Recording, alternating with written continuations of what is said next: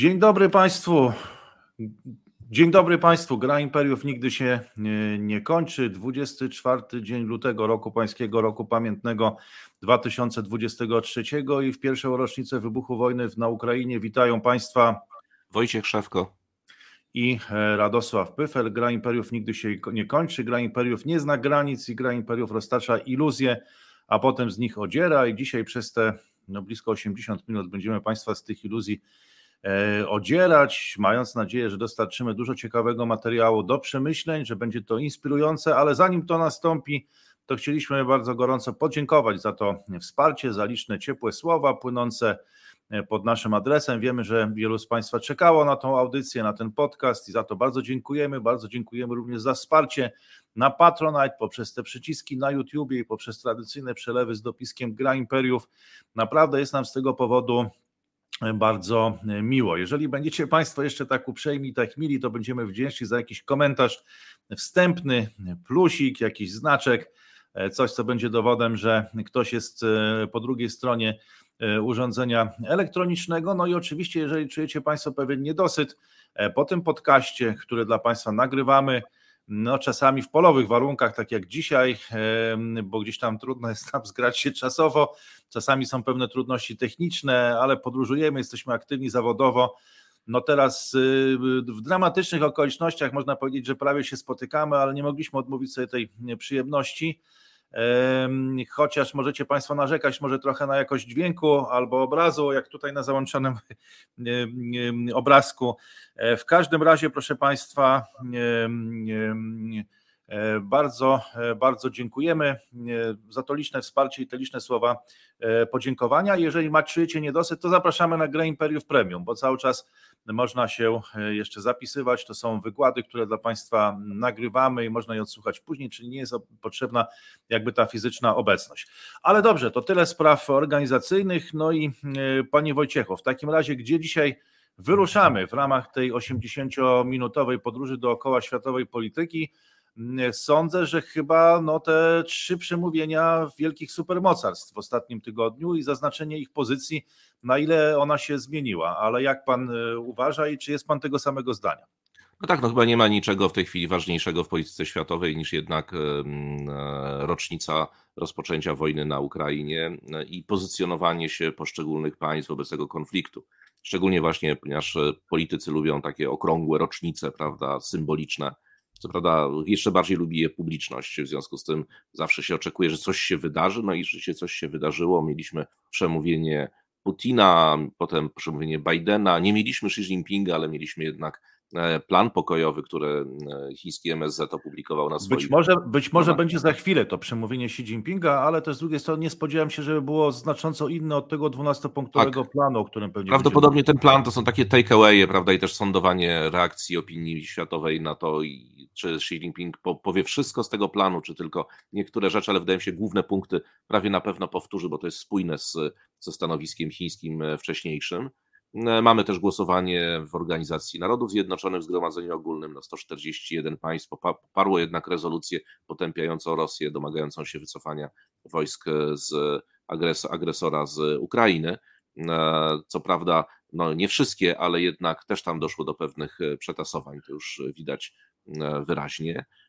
I chyba na tym powinniśmy się skupić oraz powinniśmy, moim zdaniem, powiedzieć o tym, no jak się te stanowiska jednak stron zmieniły, bo to Przecież e, to nie jest tak, że, że te stanowiska były takie same przez cały czas konfliktu. Ja mówię zarówno o agresorze, prawda, czyli o, o Rosji. Tutaj przecież ta, to, to stanowisko wyewoluowało już kilkukrotnie w sposób znaczący.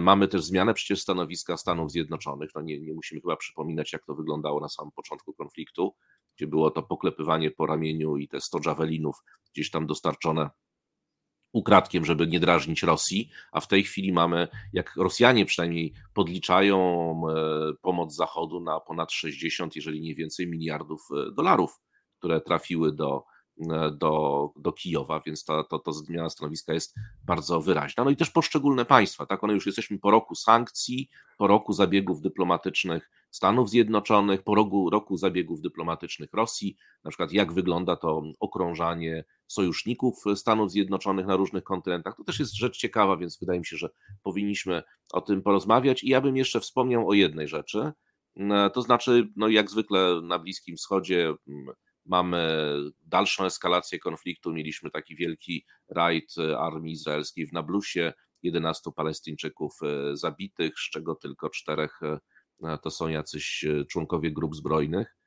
i ponad 100 osób rannych.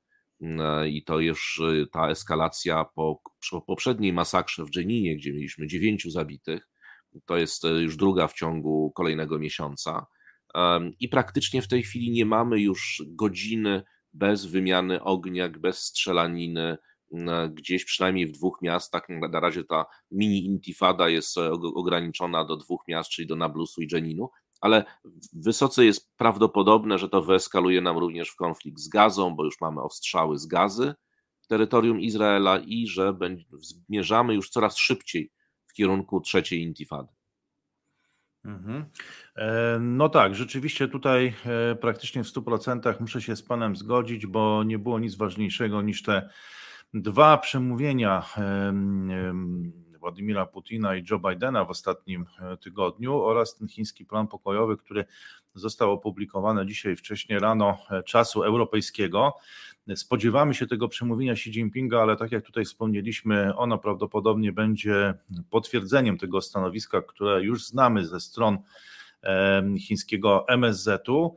E, do tego myślę, że rzeczywiście warto by wspomnieć, jak wygląda świat rok po e, wojnie, czy no, rok po tej agresji Federacji Rosyjskiej na Ukrainę i przede wszystkim nie tyle sytuacja na polu bitewnym, bo o tym dyskutujemy przez cały czas w Polsce, no ale sytuacja w polityce światowej, bo tutaj rzeczywiście bardzo ciekawe e, są rozgrywki i to nie tylko jakby wokół pól bitewnych Ukrainy, ale wokół Indo-Pacyfiku. No więc może w takim razie zacznijmy w siódmej minucie. Więc jak e, postrzega Pan, e, no może zacznijmy od Warszawy, chociaż tak naprawdę to zaczęło się w Kijowie, gdzie niespodziewanie zjawił się Joe Biden. Uznano to za wielki akt odwagi, chociaż nie przyleciał tam samolotem i tylko pociągiem, co już zdarzało się wcześniej przywódcom europejskim, w tym nawet politykom polskim również. No i zdaje się, że chyba strona rosyjska była o tym informowana wcześniej, o czym wspominał Jake Sullivan, który przygotowywał tą, czy brał udział w przygotowaniu do tej wizyty. No ale jak pan ocenia ten, te kilka dni, które tutaj na, na Ukrainie i w Polsce spędził Joe Biden? E, I zwłaszcza jak pan to ocenia w pewnym szerszym kontekście, no bo wszyscy to komentujemy, co powiedział, czy coś powiedział, czego nie powiedział, e, ale właśnie tej ewolucji stanowiska Stanów Zjednoczonych w ostatnich 366 dniach i 12 miesiącach właściwie. Znaczy, ja bym zaczął chyba od tej wizyty w Kijowie, w ogóle samego faktu wizyty w Kijowie. No na pewno z punktu widzenia pewnej symboliki, a przecież symbole mają znaczenie w stosunkach międzynarodowych, e, to był gest bezprecedensowy. Znaczy, to, że się odważył tam pojechać, to, że wysłał sygnał bardzo wyraźny, że Stany Zjednoczone stoją, można powiedzieć, murem za Kijowem. I to jest coś, gdybyśmy porównali sobie stanowisko Bidena jeszcze sprzed tego konfliktu albo z początków tego konfliktu, gdzie mówił, że Rosja może sobie w zasadzie, czy Stany Zjednoczone nie będą ingerować w ten konflikt, e, Ukraina nie jest członkiem NATO, nie dopuścimy do jakiegokolwiek zaangażowania się Stanów Zjednoczonych i tak dalej. To co, ja to często przywołuję, ale to jest ta słynna, słynna teza e, Johna Boltona o tym, że właśnie przez to, że Stany Zjednoczone wtedy wyraźnie powiedziały, że nie, no nie kiwną palcem, prawda, jeżeli dojdzie do tej agresji rosyjskiej, to Rosja właśnie dlatego weszła, że gdyby... Że gdyby... No tam zdaje się to chyba tak wprost nie zostały powiedziane, ale ktoś tam się pomylił i gdzieś tam między słowami można było wyczytać takie stanowiska. No ale tam gdzie tak, tak, to, tak, to, tak to Bolton, no, który jest takim guru, e, guru e, analityków, e, analityków republikańskich, właśnie on wskazuje, że to był błąd, i to nie dlatego, że to akurat demokraci zrobili, tylko że gdyby nic nie powiedziano wtedy, to by pozostawiono jak gdyby Rosję w stanie niepewności. No a wtedy, ponieważ powiedziano wyraźnie, że nic Stany Zjednoczone nie zrobią, to w związku z tym to była taka carte blanche i oni stwierdzili, dobrze, no jak nie zrobią, no to proszę bardzo, to możemy sobie na tą Ukrainę e, wjechać. Więc e, to jest na pewno zasadnicza zmiana. Rok to trwało i proszę zobaczyć, ile było jeszcze tych kolejnych etapów. Najpierw była broń strzelecka i te hełmy nieszczęsne jeszcze z Niemiec na dodatek. Potem mieliśmy jakieś tam rakiety przeciwpancerne i już przecież no przypomnijmy tych analityków, którzy zastanawiali się nad każdym tym granatem, czy aby to nie sprowokuje Rosji. Potem mieliśmy jakieś tam.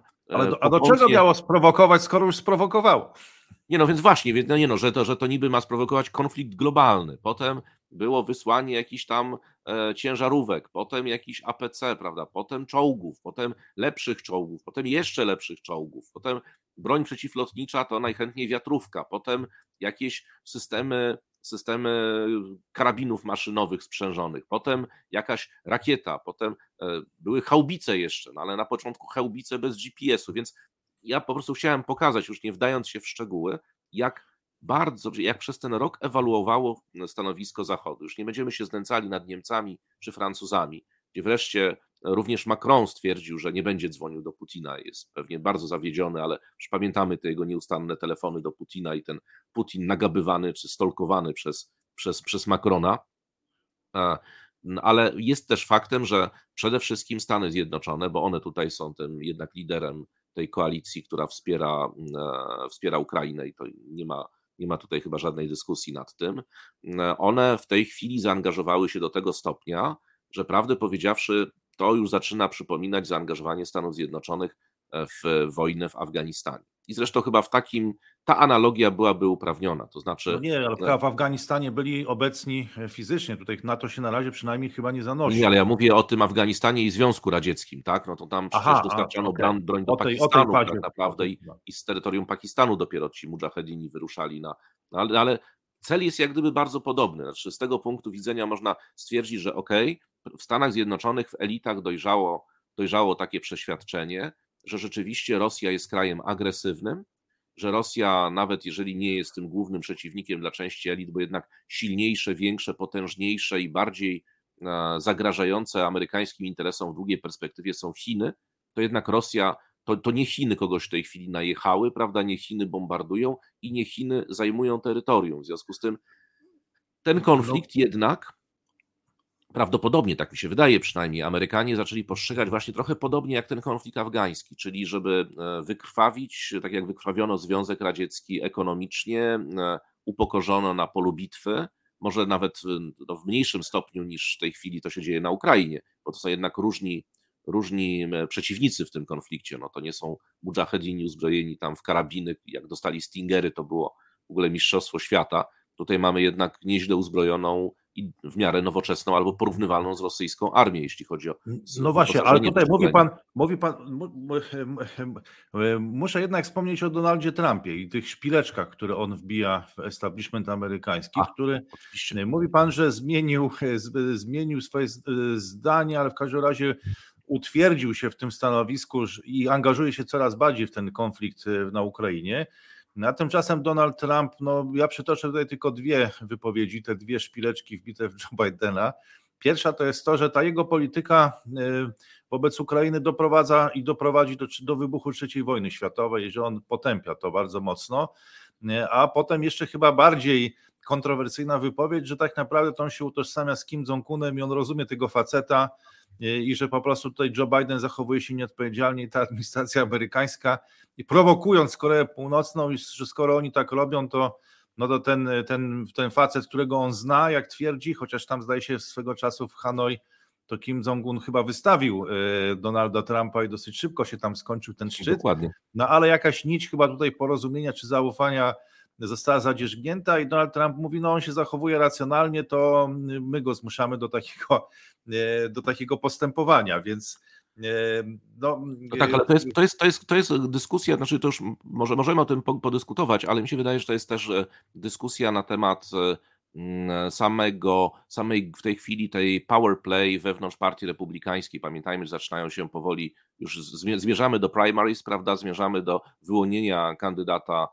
na e, prezydenta i tutaj mamy już kilku, kilku chętnych e, i e, Trump się zajmuje, no właśnie, Trump się zajmuje przede wszystkim, no po pierwsze atakowaniem z innych kandydatów republikańskich, ale już przełączył się jak gdyby na ten tryb, na ten tryb kampanijny.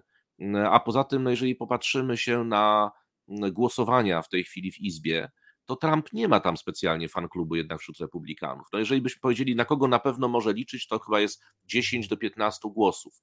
To są tacy ludzie, których może przekonać, czy tacy, którzy rzeczywiście tamtą, tym republikanom potrafią podstawiać nogę co chwila z pozycji trumpistowskich. No, ale to nie jest połowa na przykład, czy trzy czwarte republikanów. Znaczy jego jednak Natomiast ja się nie dziwię, że, że on taki tak znakomicie, znakomicie dogadywał się z Kim Jong-unem. No, on się też świetnie dogadywał e, z Netanyahu, prawda? I, ale wydaje mi się, że wydaje mi się, że najbardziej ten Kim Jong-un mu pasował charakterologicznie. Znaczy, e, Trump by się lepiej znajdował jako przywódca Korei Północnej niż, niż Stanów Zjednoczonych, i to do tego chyba nikt nie ma wątpliwości.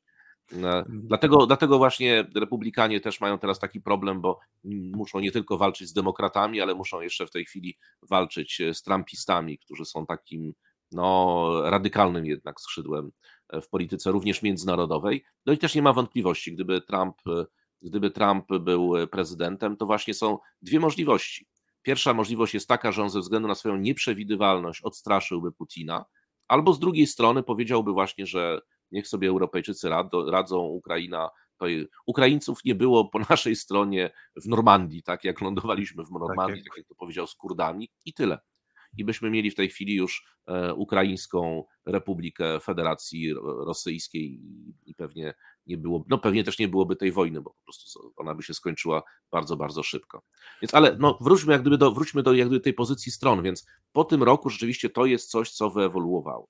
Natomiast mogę też powiedzieć a propos tego przemówienia, bo wszyscy, którzy jego nie słuchali, mogą sobie go przeczytać, jest na stronach Białego Domu, transkrypt dokładny, włącznie ze wszystkimi pomyłkami językowymi, które, mu tam, które Joe Biden popełnił przy okazji tego, tego przemówienia. I prawdę powiedziawszy, chyba najtrudniejszą pracę mieli ci dziennikarze, którzy, czy komentatorzy Białego Domu, którzy muszą potem z takiego przemówienia wziąć tak zwane takeawaye, prawda? Takie rzeczy na wynos, czyli co wyciągnąć, coś konkretnego. I to chyba była, było zadanie ponad siły dla wszystkich. To znaczy, tutaj to przemówienie przypominało mi trochę, ja już mówię o warszawskim przemówieniu, przypominało mi trochę takie dość proste, na prędce konstruowane przemówienia kampanijne, gdzie przyjeżdża sobie kandydat na prezydenta do jakiegoś e, miasteczka, niech to będzie w Ohio, no i musi coś powiedzieć. W związku z tym kochamy Was, jesteście super, dobrze pracujecie, wasz lokalny burmistrz też jest super, oj, jest jeszcze jego żona, to w ogóle do, znakomicie i dziękujemy wam, że tak dobrze pracujecie. Są również e, przedstawiciele opozycji, też sympatyczni. Tak, i są też przedstawiciele opozycji, nawet były szeryf jest tutaj z, z opozycji, w ogóle super i kochamy was i róbcie tak dalej, a tamci no nie wygrają, bo my jesteśmy z wami. Wiecie Państwo, gdyby znaczy, od, e, w takiej sytuacji, w której mamy tę rocznicę i w takiej sytuacji, w której jednak e, mamy jakieś tam stanowisko Rosji wobec tego konfliktu, to jednak można byłoby oczekiwać i pewnie gdyby prezydent był inny, to pewnie by tak to zostało zaplanowane, żeby przy okazji tego przedstawić właśnie jakąś własną wizję e, stosunków międzynarodowych, wizję roli Rosji w tych stosunkach międzynarodowych, bo powiedzenie tylko, no oni nie wygrają tej wojny, to jest jednak nie tylko, to jest e, trochę za mało.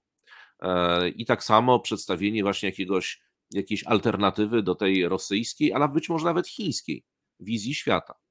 Mówienie tylko o tym, że wolność wygra demokracja, to, to, są, to są frazesy na poziomie bardzo prostego przemówienia, takiego nawet nie, nieprzygotowywanego specjalnie na poziomie e, kampanii wyborczej. No, nie pomylił Warszawy z innym miastem, to powinniśmy być wdzięczni, ale jeżeli już e, no, słuchamy takich e, tekstów, no tutaj dobrze Polacy robicie, że, że, że pomagacie tak hojnie, no to już zabrakło takiego na przykład e, gestu, a w związku z tym tych 50 miliardów dolarów Stany Zjednoczone przeznaczą jeszcze dodatkowo 1,5 miliarda dolarów na pomoc na przykład dla Polski, chociażby związaną z przyjęciem uchodźców, tak? Znaczy to Amerykanów nic by nie kosztowało i zresztą Bidena by nic nie kosztował taki gest, że Polska przecież jakąś tam pomoc jednak z tego wszystkiego dostaje.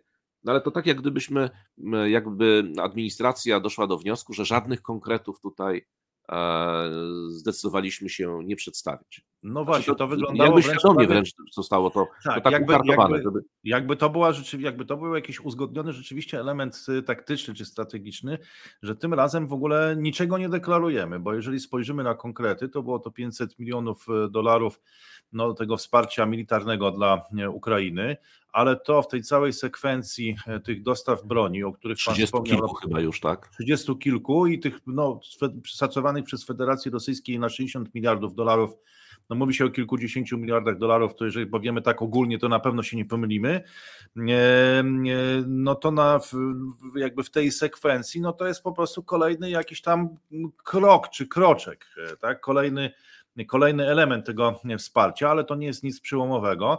Natomiast efekt propagandowy byłby ogromny, tylko może no, takie imperium jak amerykańskie obawia się, że jeżeli tu przeznaczy półtora miliarda na pomoc dla uchodźców w Warszawie, to zaraz e, wyciągną e, ręce wszyscy inni interesariusze z różnych innych części świata i nastąpi efekt domina, więc może z, no, ale... z tego wynikała ta wstrzemięźliwość. No ale tutaj, ale tutaj jednak e, powiedzmy sobie, że Biden dużo bardziej konkretne pakiety pomocy i dużo bardziej konkretne przemówienia miewał przy okazji swoich konferencji prasowych, przy, przy okazji ogłaszania poprzednich chociażby pakietów pomocy czyli mhm. albo takich e, wstępów do skierowania jakiegoś tam wniosku do kongresu, albo po prostu jakiejś decyzji już swojej administracyjnej, więc z tego punktu widzenia na pewno to przemówienie rozczarowuje.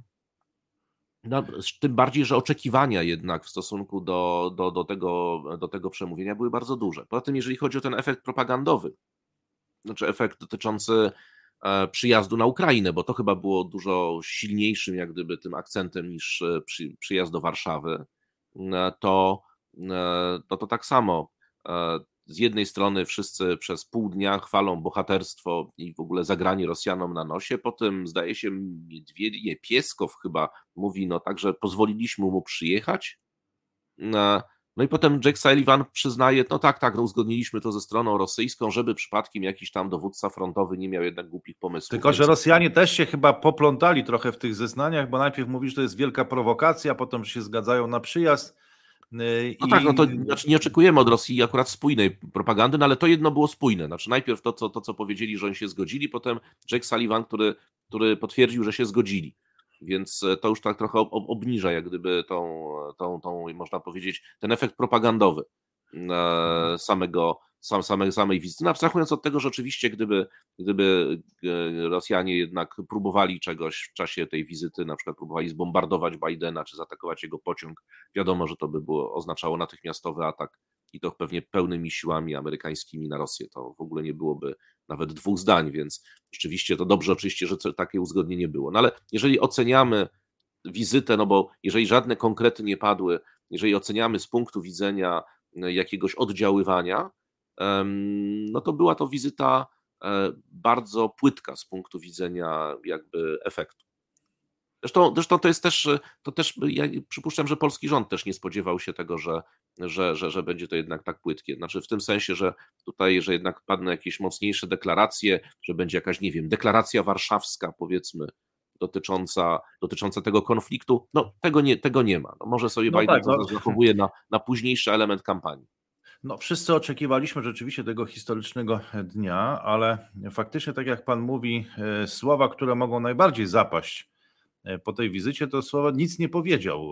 E, gdzieś tam nagranego Jarosława Kaczyńskiego, albo może nie wiem, może on sam chciał wypuścić taki sygnał, albo taki sygnał wypuścił mimowolnie, no ale ten komentarz po tym przemówieniu na Zamku Królewskim, gdzieś tam wygłoszony w tłumie tych gości, VIP-ów, to nic nie powiedział. Tak? Wydaje mi się, że to może zostać bardziej chyba zapamiętane niż wszystko to, co powiedział de facto Joe Biden.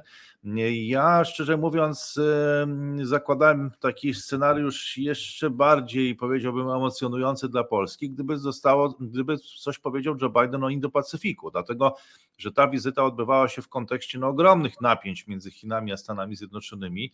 I tam bardzo dużo mówiono o Indo-Pacyfiku. W ogóle częściej chyba mam wrażenie mówiono o Filipinach niż o Polsce i w ogóle o polach bitewnych Ukrainy ale nic takiego też e, nie nastąpiło. No tutaj, gdyby jeszcze Stany Zjednoczone się na dobre zabrały za ten front indopacyficzny i za Chiny w sytuacji nieskończonego tego tutaj konfliktu, nawet w ogóle jakimkolwiek rozejmem, czy no już nie mówię o, o, o, pokoju i ustaleniu warunków e, pokojowych z Rosją, no to to byłoby, byłoby jakimś ogromnym game changerem i wtedy rzeczywiście tym, e, tym dniem historycznym. Ja w ogóle też mam takie wrażenie, że to jest dobre, wdzięczne pole do takich obserwacji społecznych czy socjologicznych, w ogóle jak Polacy podchodzą do Joe Bidena i w ogóle prezydentów Stanów Zjednoczonych, bo ja mam wrażenie, że on trochę spełnia rolę e, takiego e, papieża, czy wypełnia lukę po Janie Pawle II. To jest takie podejście, że cokolwiek nie powie ten cesarz wolnego świata, no to traktuje się to z dużą czcią i nabożeństwem. Być może dlatego, że papież Franciszek tej luki nie wypełnia po Janie Pawle II, nie jest do końca zrozumiały jako przedstawiciel globalnego południa i trochę te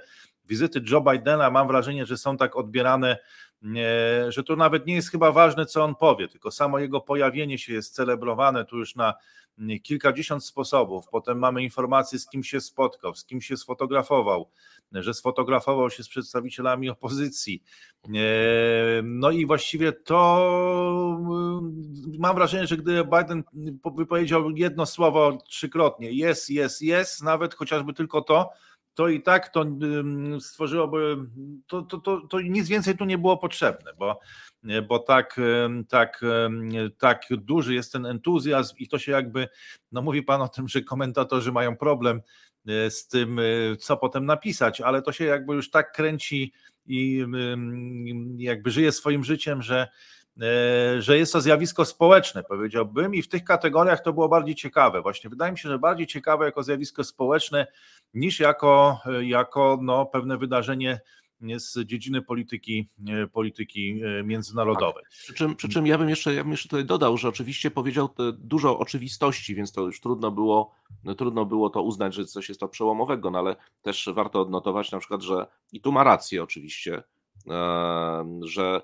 rzeczywiście Rosja oczekiwała od tego konfliktu. Zresztą widzieliśmy to po przymiarkach do tego konfliktu jeszcze na polsko-białoruskiej granicy, że swoimi działaniami dyplomatycznymi, politycznymi, że swoim właśnie takim, taką polityką divide et impera doprowadzi również tym konfliktem do bardzo głębokiego e, podziału w świecie zachodnim. Że uda się jej, krótko mówiąc, wyciągnąć w cudzysłowie z tego mm, świata zachodniego Niemcy, e, Węgry, być może Turcję. I zresztą takie tendencje, takie trendy w tych krajach na początku konfliktu widzieliśmy, że uda się odizolować Polskę. To był chyba ten podstawowy cel tej e, przygotowawczej operacji Łukaszenki, jeżeli zakładamy oczywiście, że Łukaszenko tak naprawdę od początku uzgadniał to z Putinem, a nie rozgrywał jak zwykle swoje własne gierki, bo pamiętajmy, że tutaj przecież pomiędzy Mińskiem i Kremlem jednak e, szło bardzo często na noże w ostatnich latach. No ale załóżmy, że to, jeżeli, jeżeli zakładamy tą wersję, że to było koordynowane, to rzeczywiście pamiętamy, ci biedni uchodźcy oblewani bronią chemiczną przez Polaków, potem wnioski prawda, o łamanie praw człowieka, Potem ten krzyk organizacji, mm, organizacji różnych NGO-sów e, z, z przedziwnymi korzeniami, jeszcze bardziej przedziwnymi źródłami finansowania, które domagały się na Zachodzie potępienia Polski, prawda? Czyli wyizolowanie tej Polski. No, gdyby się to udało, prawda, nie mielibyśmy tak naprawdę możliwości e, używania jak gdyby Polski do pomocy Ukrainie, gdybyśmy mieli taką sytuację, prawda? Więc, więc e, Tutaj e, to się Putinowi nie udało, to się w ogóle, to się Rosji nie udało, czyli podzielić tego tak zwanego kolektywnego Zachodu. E, I, I wywrzeć też tej presji energetycznej jeszcze, chyba, tak? Bo... I co więcej, właśnie to, to było właśnie, to, to, to nie jedyny taki ładny tekst, e, mi się akurat Bidena podobał, o tej finlandy, finlandyzacji, prawda, że nie udało się sfinlandyzować NATO, na co zresztą Putin liczył, i to nie tylko liczył, żeby się tego domyślamy, ale on to po prostu napisał, a udało się znatoizować Finlandię, prawda? Czyli, czyli państwa, tak. które wydawałoby się, że będą trwale neutralne.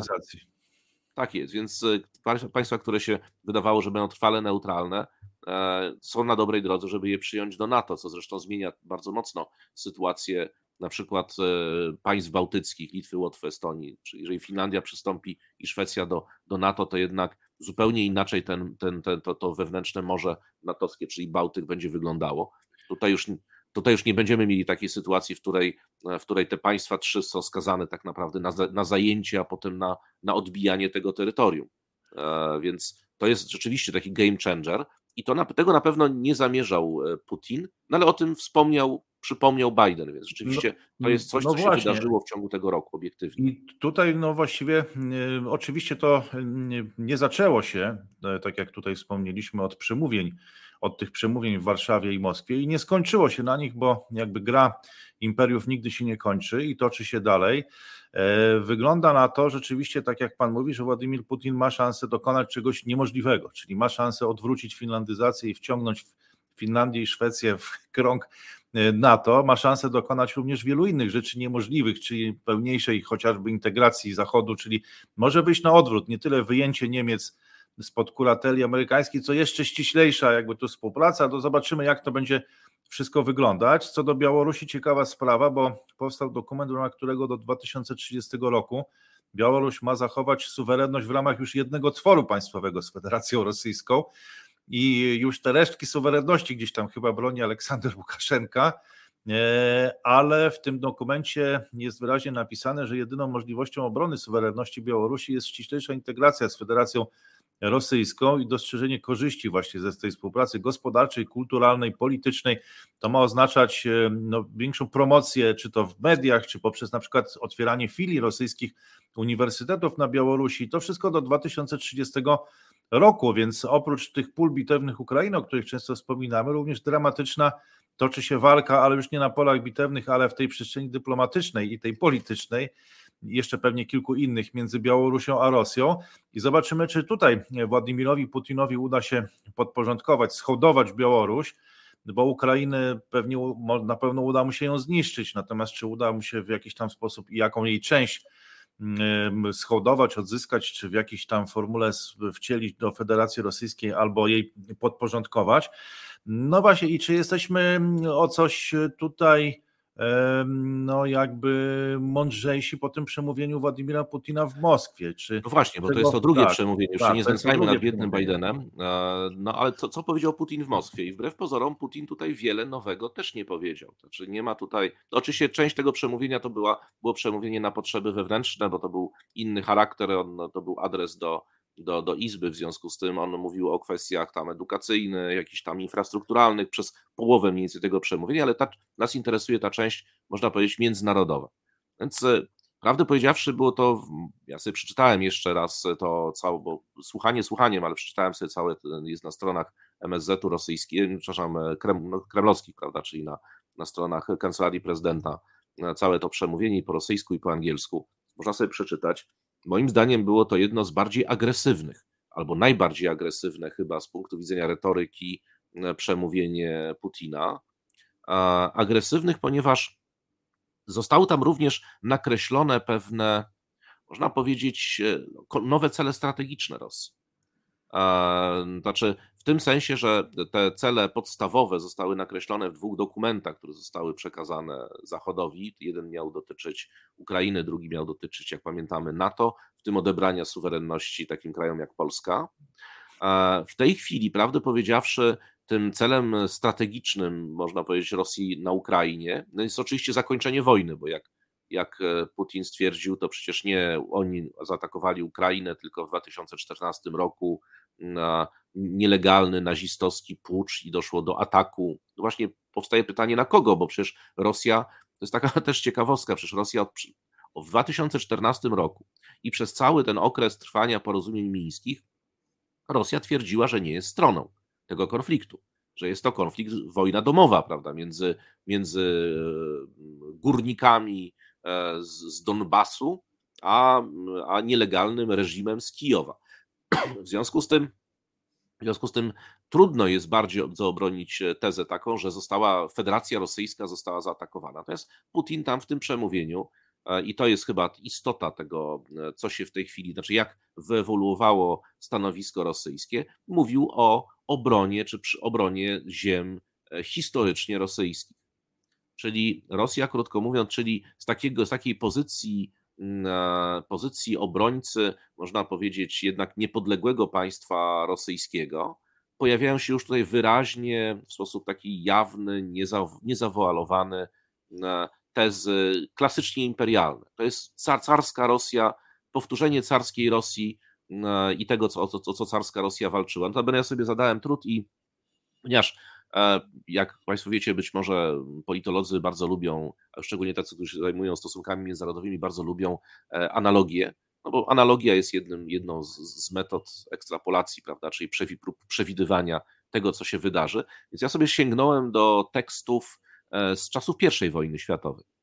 Wtedy, kiedy narastało w Rosji niezadowolenie z wyników wojny, z wyczerpującej wojny, tam zdaje się po roku czy po dwóch latach wojny, różni, różni publicyści, kiedy już za, zaczęło dojrzewać to wrzenie rewolucyjne, e, to różni e, znani nam już z podręczników historii politycy pisali jak gdyby o, o Rosji, prawda, o tym, jaki jest cel tej wojny, jakie są skutki, po co ta Rosja walczy. Na przykład to taka ciekawostka, że jeden z nich, nie będę wymieniał nazwiska, bo jest mało popularne współcześnie, ale pisał o tym, że Rosja pierwszą wojnę światową rozpoczęła pod tak naprawdę, znaczy jej jak gdyby jednym z głównych celów było schołdowanie sobie Galicji i pozbawienie Ukraińców resztek resztek niezależności i autonomii. Tak? To była już przy I wojnie światowej. Więc wracamy jak gdyby do punktu wyjścia. Rosji imperialnej, która, która uważa, czyli ma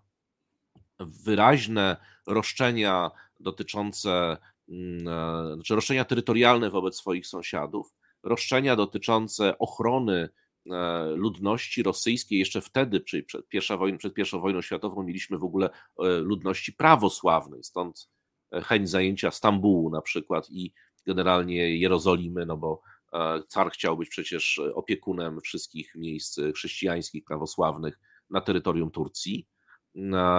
E, tutaj mamy trochę podobną sytuację. Co prawda już nie mamy tego wyraźnego wątku prawosławnego, chociaż też się pojawił nam przecież w przemówienia Putina, ale mamy wyraźnie powiedziane, Rosja będzie e, przyłączała sobie ziemie takie, które uznaje za historycznie swoje.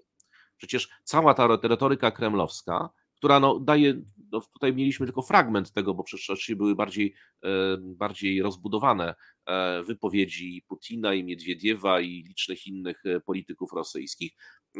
Na początku tej wojny mówiono tylko i wyłącznie, proszę zobaczyć, o denazyfikacji, tak? o, można powiedzieć, o rozbrojeniu również, czyli demilitaryzacji Ukrainy. To były te, te tezy.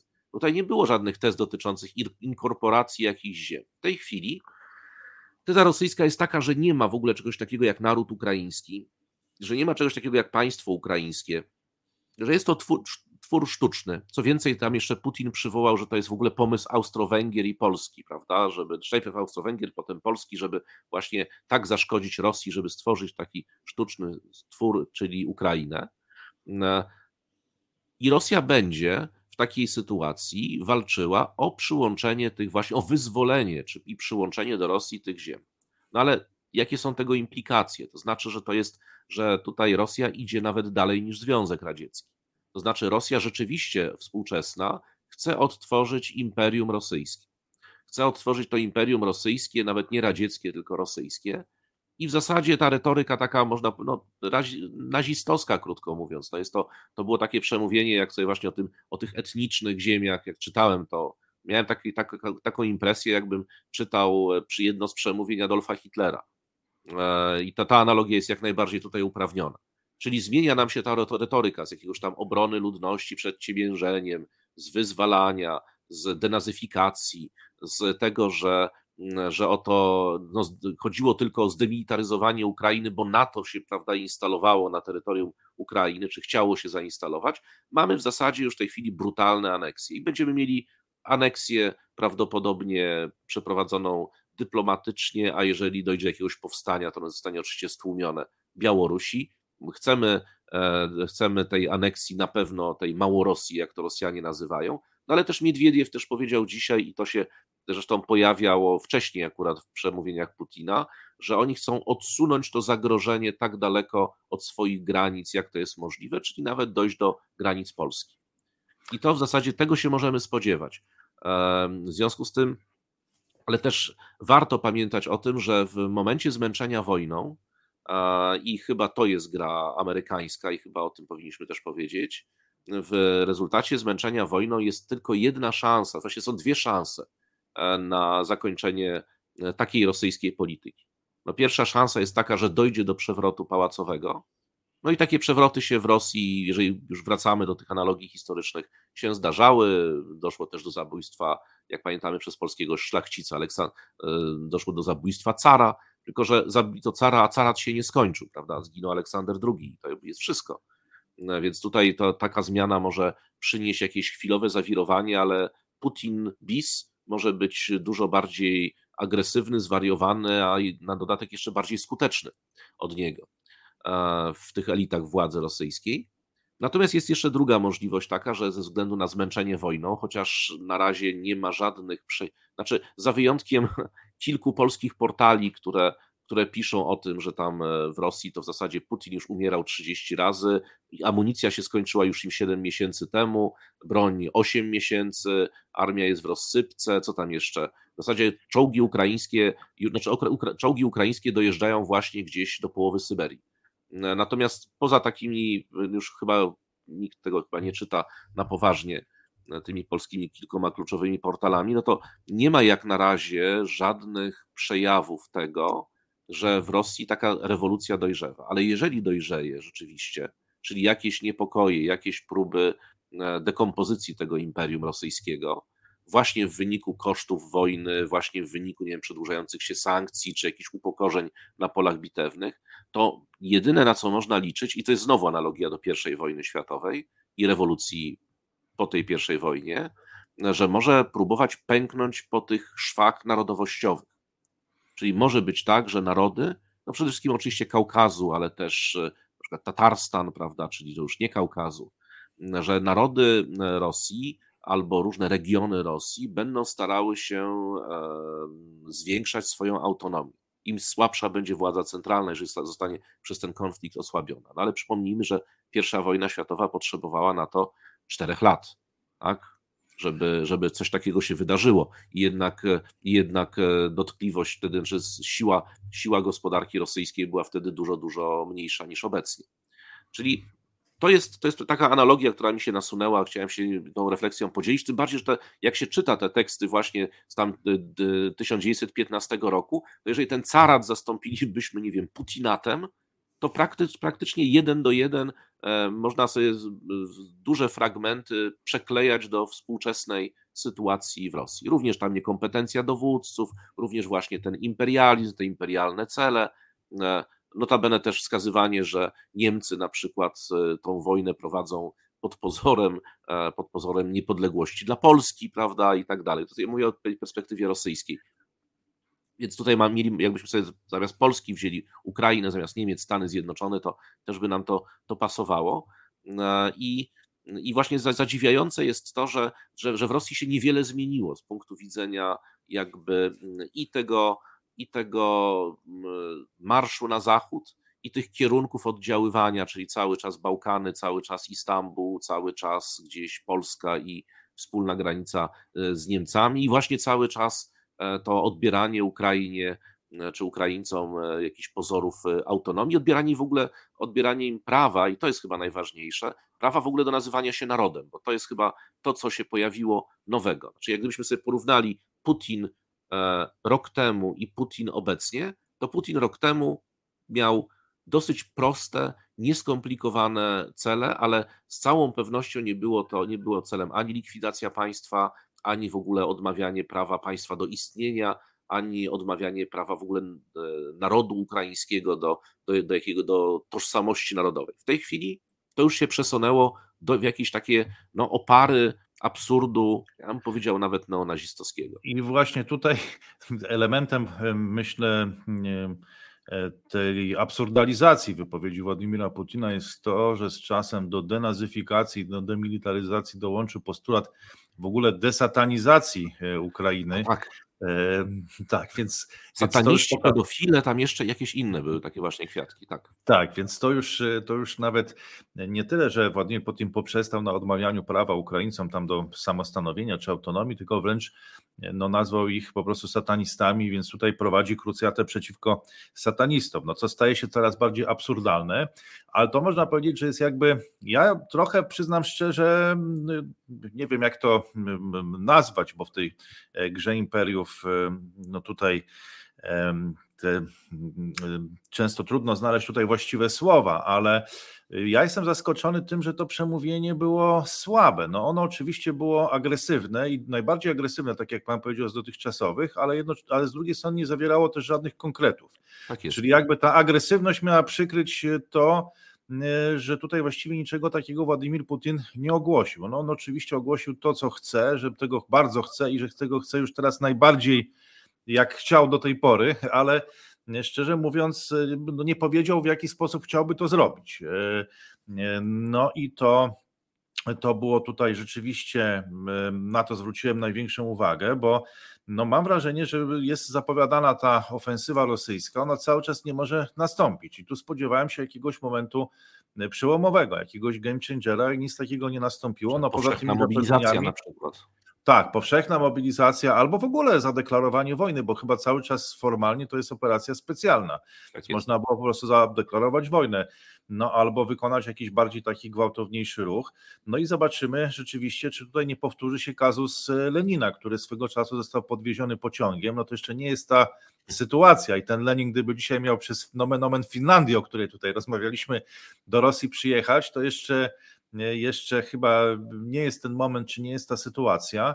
No ale jeżeli to dalej tak będzie trwało, to faktycznie taka sytuacja może się stworzyć. Czy to właśnie, czy to będzie bunt y, mas, czy to będzie bunt narodów, czy to może będzie bunt elit, bo chyba na to też w dużej mierze stawiają, e, myślę, że przynajmniej no, elity opiniotwórcze Zachodu, że to jednak przez kim ci gaspada siłowiki, tak, ci siłowicy, ci no, oligarchowie, że oni się jakoś zbuntują, e, no bo jaki to będzie sens po prostu te działania kontynuować i co chwilę ogłaszać, mm, e, mówić po prostu o tym, co my nie zrobimy na tej Ukrainie, no a potem jednak tego tego no, nie robisz, no, nie dowozić, jak to mówi się dzisiaj we współczesnym ale języku. Też, ale to też proszę zobaczyć, proszę zobaczyć, że takie momenty, szczególnie w, kiedy doszło do tej wielkiej ofensywy e, ukraińskiej na Charkowszczyźnie, takie momenty właśnie, znaczy tego coś, czego się możemy spodziewać, tam się w Rosji pojawiły, no bo pojawiły się głosy właśnie krytyczne, rozliczenia wobec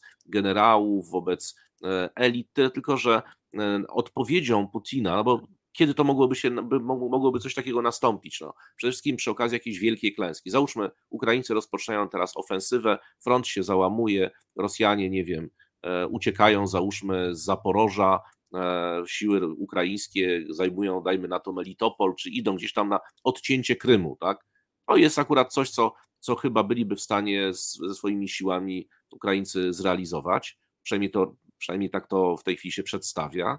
I Tyle tylko, że Putin już, już udowodnił, że stworzył sobie tyle buforów, e, czyli takich kozłów ofiarnych, zestawów nawet kozłów ofiarnych do poświęcania, czyli dojdzie do czegoś takiego, on rozstrzela dwóch generałów, pięciu wsadzi, trzydziestu potępi, zrobi jakieś czystki i znowu jak gdyby z nowymi ludźmi, czy z kolejną grupą, którą gdzieś tam obsadzi, czy dowództwo armii, czy, czy dowództwo resortów siłowych, znowu jak gdyby wystąpi z kolejną inicjatywą, czyli cały czas on jest dosyć impregnowany w tym swoim, w tych swoich elitach. Rzeczywiście musiałoby dojść do. Ja sądzę, że w, to tylko i wyłącznie doszłoby wtedy takiego przewrotu, gdyby ci ludzie, którzy spodziewają się takiej czystki, po prostu próbowali Putina uprzedzić. Czyli on chce poświęcić jakichś generałów, jakichś szefów armii, szefów służb, a oni po prostu robią mu przewrót, bo nie sądzę, żeby właśnie to jest chyba największy problem. Nie sądzę, żeby niezadowolenie społeczne w Rosji było na takim poziomie, e, żeby e, no, pojawiło się takie to coś, Che Guevara zdaje się nazywał, napięciem rewolucyjnym. Tak? Tego napięcia rewolucyjnego mhm. tam nie ma, wręcz przeciwnie raczej. Chyba obserwujemy właśnie takie e, skupianie się ludności wokół władzy, prawda? No, naziści jadą na niemieckich czołgach na Moskwę, no to co trzeba robić? No to trzeba tego, ten karabin z ogródka wykopać, prawda, i bronić Moskwy. Więc Wydaje się, że wydaje się, że to jest mało, mało prawdopodobne, że to chyba nikt w tej chwili tak na poważnie na to, na to jeszcze nie liczy, ale teoretycznie taki scenariusz też można, można roz, rozpatrywać. Chociaż mi się wydaje, mnie się wydaje, że ostatecznie już abstrahując od miałkości tego, tego, tego, tego przemówienia, bo tam ciekawsze konkrety mówił na temat szkół, prawda, czy, czy, czy dróg, niż na, temat, na tematy międzynarodowe, ale chyba raczej wszystko zmierza, czy te analityczne gremia na Zachodzie raczej spodziewają się zawieszenia broni gdzieś jak i z takiego stworzenia czy takiej linii e, Panmunjonu, czy, czy innej podobnej, jeżeli już byśmy mówili o jakichś pozycjach e, stron przy, przy negocjacjach, niż, niż jakiej. Zresztą chyba Rosjanie to też, przepraszam, tak trochę chaotycznie to powiem, Rosjanie chyba się też tego samego spodziewają, bo widać nawet przy Miedwiediewa, którego, jak wiemy, on tam prawdopodobnie na trzeźwo tego, co pisze, to nie pisze, e, ale też no, napisał jedną dzisiaj ciekawą rzecz, bo też powiedział, że jeżeli e, będzie tak, że dojdzie do zawieszenia broni, to e, z drugiej strony, prawda, ten, jak on to napisał, ten twór, prawda, tych resztek Ukrainy i tak nie zaakceptuje status quo, a w związku z tym wywoła za kilka lat nawet kolejną wojnę, której, w którą wciągnie cały świat, a w związku z tym trzeba no, odsunąć to zagrożenie, czyli dojść do tej polskiej granicy, już tak w dużym skrócie. I to chyba, mhm. i to chyba mniej więcej, to jest niestety, wbrew pozorom, to jest taki najbardziej prawdopodobny scenariusz, to znaczy taki, w którym jeżeli, te, jeżeli nie dojdzie do jakiegoś przełomu w tym roku, w jedną lub w drugą stronę, to po prostu dojdzie do e, obniżenia, obniżenia tej wzajemnej wrogości, czyli front się ustabilizuje w jakiś sposób i wtedy dojdzie do jakiegoś tam e, takiego no, zgniłego pokoju, prawda? Czyli dojdzie do jakiegoś zawieszenia broni i na, bez uznania formalnego status quo, po prostu uznania, że zaprzestają strony, strony wrogości.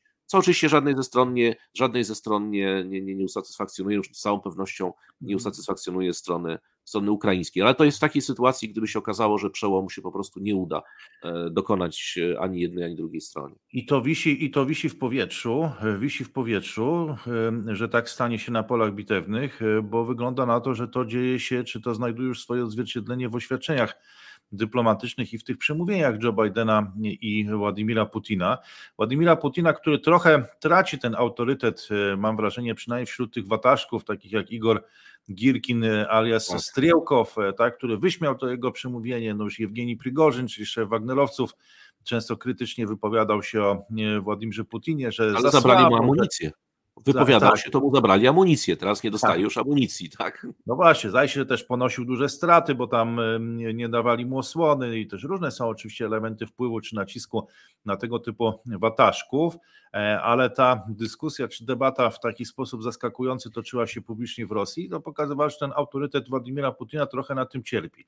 Teraz niezależnie od tego, czy dojdzie tutaj do jakiegoś, czy ten właśnie scenariusz przewrotu pałacowego, czy przewrotu gdzieś na szczytach władzy będzie tym najbardziej prawdopodobnym, że on, że to nie będzie, że ta władza nie będzie leżeć na ulicy, tak jak to kiedyś powiedział Lenin, no w tym sensie, że po prostu już nastąpił totalny rozkład państwa i ta siła najbardziej zdeterminowana mogła wtedy po tą władzę sięgnąć. Czy to będzie, czy pójdzie to po tych szwach narodowościowych, no to jedno też nie ulega wątpliwości prawdopodobnie, że gra imperiów nigdy się nie kończy.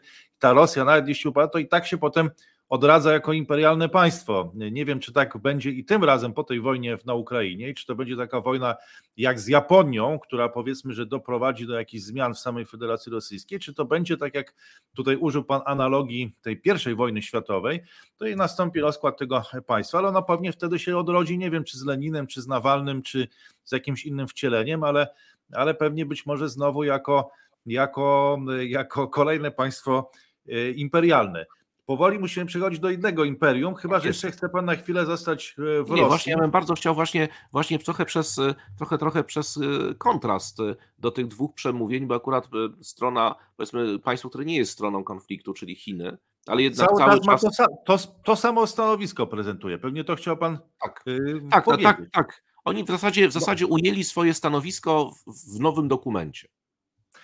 No właśnie, właśnie. W ogóle mam takie wrażenie, że no, gdzieś te mocarstwa stanęły, ustabilizowały swoje pozycje, tak? Zarówno Stany Zjednoczone, tutaj niewiele padło, przynajmniej niewiele o tym wiemy. Niewiele zostało powiedziane w Warszawie.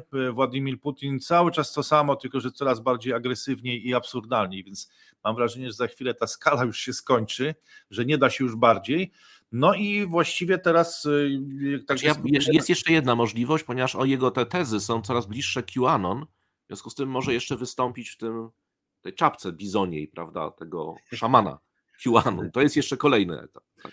No tak, ale tu, tu przynajmniej chyba powoli zaczyna, nie wiem jak panu, ale mi przynajmniej powoli już zaczyna brakować wyobraźni do tego, żeby określić, jakie mogą być kolejne stadia tego i dlatego liczyłem, że to przemówienie wprowadzi jakiś nowy element, nie wprowadziło, no ale w przypadku Chin tak się również nie stało. Tu akurat nie spodziewałem się niczego nowego e, i, e, i można powiedzieć, że Chiny są tym trzecim mocarstwem tutaj, które też okopuje się na tych swoich e, pozycjach. Może, może ja przytoczę te 12 punktów, zanim zaczniemy je komentować, bo one tak nie są e, za bardzo znane i nie sądzę, żeby w Polsce były jakoś brane pod uwagę czy cytowane, w związku z czym no może Jeżeli po prostu... cytowane, to tylko dodajmy, że nieprawidłowo, to znaczy na przykład tam się jest, ja widziałem już takie komentarze, w, wydawało się poważnych portalach, które na przykład mówią o tym, że Chiny domagają się zniesienia sankcji nałożonych na Rosję. Nie ma takiego mhm. słowa. Więc bardziej warto je to przytoczyć. E, no właśnie, więc punkt pierwszy to jest to, co słyszeliśmy już wielokrotnie w ostatnich 366 dniach i oczywiście rozmawialiśmy e, w grze imperiów, czyli poszanowanie suwerenności wszystkich e, państw. No to oczywiście jest kwestia interpretacji, co wynika z tego postulatu w kwestii no jednak pogwałcenia tutaj nieposzanowania suwerenności terytorialnej Ukrainy chociażby, tak? No ale, ale to jest punkt pierwszy. Może już, może ja nie będę komentował, tylko po prostu te punkty przytoczę, a ale potem. To warto, ale to warto, tam, tam jest również integralności terytorialnej, z tego co pamiętam. Tak, tak, suwerenności y, i integralności terytorialnej. I właśnie to jest to, znaczy ja, to jest ja bym właśnie skomentował. To skomentujmy to od razu, bo to jest chyba najważniejszy chyba punkt tego całego te, te, te, z tych dwunastu, to znaczy... No właśnie Jake Sullivan tak troszkę złośliwie, troszkę dowcipnie powiedział, że mogłoby się na tym zakończyć i, i tak. pozostałe 11 punktów już nie miałoby znaczenia. Ale oczywiście, że tak, natomiast ten punkt jest e, punktem, znaczy on pokazuje, że Chiny nie uznają i, i to nie tylko nie uznają w tej chwili, ale nie uznają w przyszłości zmian w integralności terytorialnej Ukrainy.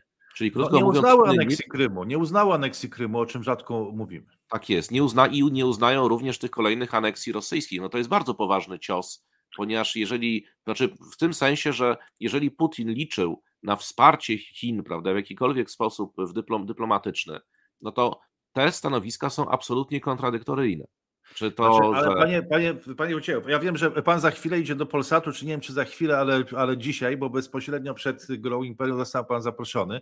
Teraz ja mam pewien problem, bo gdziekolwiek się nie, powiada, nie pojawiam w mediach, to, to jest pytanie, a kogo popierają Chiny? Natomiast Chiny no, nie prowadzą e, takiej, czy to nie, to jest złe, to jest strasznie trudno odpowiedzieć na takie pytanie, e, dlatego że kwestii właśnie integralności terytorialnej, no nie uznają chociażby aneksji Krymu, a jednocześnie nie chcą zrazić, mam wrażenie, Federacji Rosyjskiej i nie krytykują jej, przynajmniej publicznie jej nie krytykują.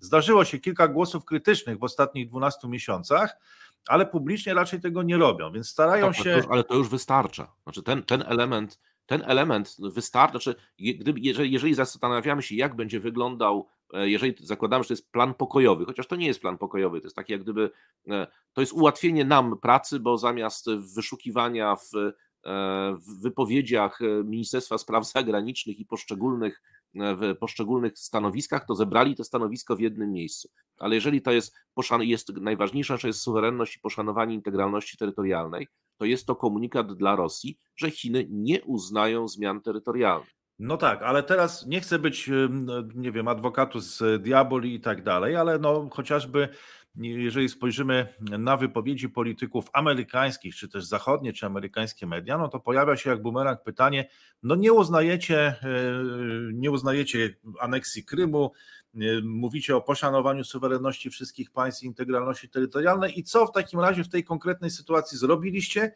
i dlaczego nie potępiacie za to oficjalnie Rosję? No to jest no, zawsze... Dobrze, ale ale z drugiej strony, z drugiej strony, a co zrobił Zachód w sprawie aneksji Krymu? No, powiedzmy sobie, nawet no nie wtedy nic, ale teraz no, te kilkadziesiąt, kilkadziesiąt tych transz i tych miliardów dolarów, no jednak idzie. Czyli no co teraz, to jest... Chiny tylko mówią, nie wolno tego robić i co z tego wynika w takim razie? Znaczy, że nie uznają na pewno tej, tej, tej, tego zaboru. No, jeżeli, jeżeli patrzymy się na to z punktu widzenia takiego, czy, ponieważ ja dostrzegam taką tezę, która jest tam gdzieś cały czas powtarzana, że i udowadniana na siłę, że Chiny poprą Rosję albo popierają Rosję. Czy to, czy no, zwłaszcza, że Amerykanie ostatnio zaczęli o tym mówić i zaczęli tak. mówić, że rozważają wysłanie broni, ale to podkreślam słowo rozważają, natomiast w Polsce już i tak wszyscy rozstrzygnęli, że.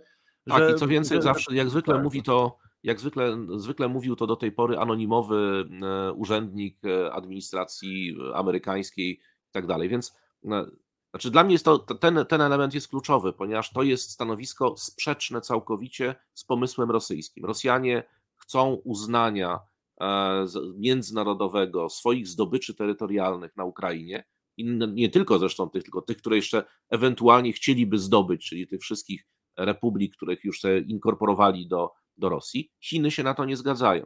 Czyli ten punkt jest całkowicie sprzeczny. To prawda, to prawda. No i zobaczymy, jak będzie to wyglądać w dłuższym e, dystansie, który trochę mam wrażenie, że umyka e, nam w tych dyskusjach, które toczymy w przestrzeni publicznej, że to nie jest kwestia kilku dni, kilku tygodni, e, czy nawet najbliższego roku, ale że to się toczy w długim dystansie. I tutaj Chiny no rzeczywiście tego nie uznają, bo nie uznają aneksji Krymu i nie uznają pewnie tych aneksji, jeżeli do takich dojdzie w ogóle w tym konflikcie, to też pewnie ich nie uznają. Natomiast nie oznacza to, to, y, to, to nieuznanie nie oznacza jakiegoś bezpośredniego teraz zaangażowania się.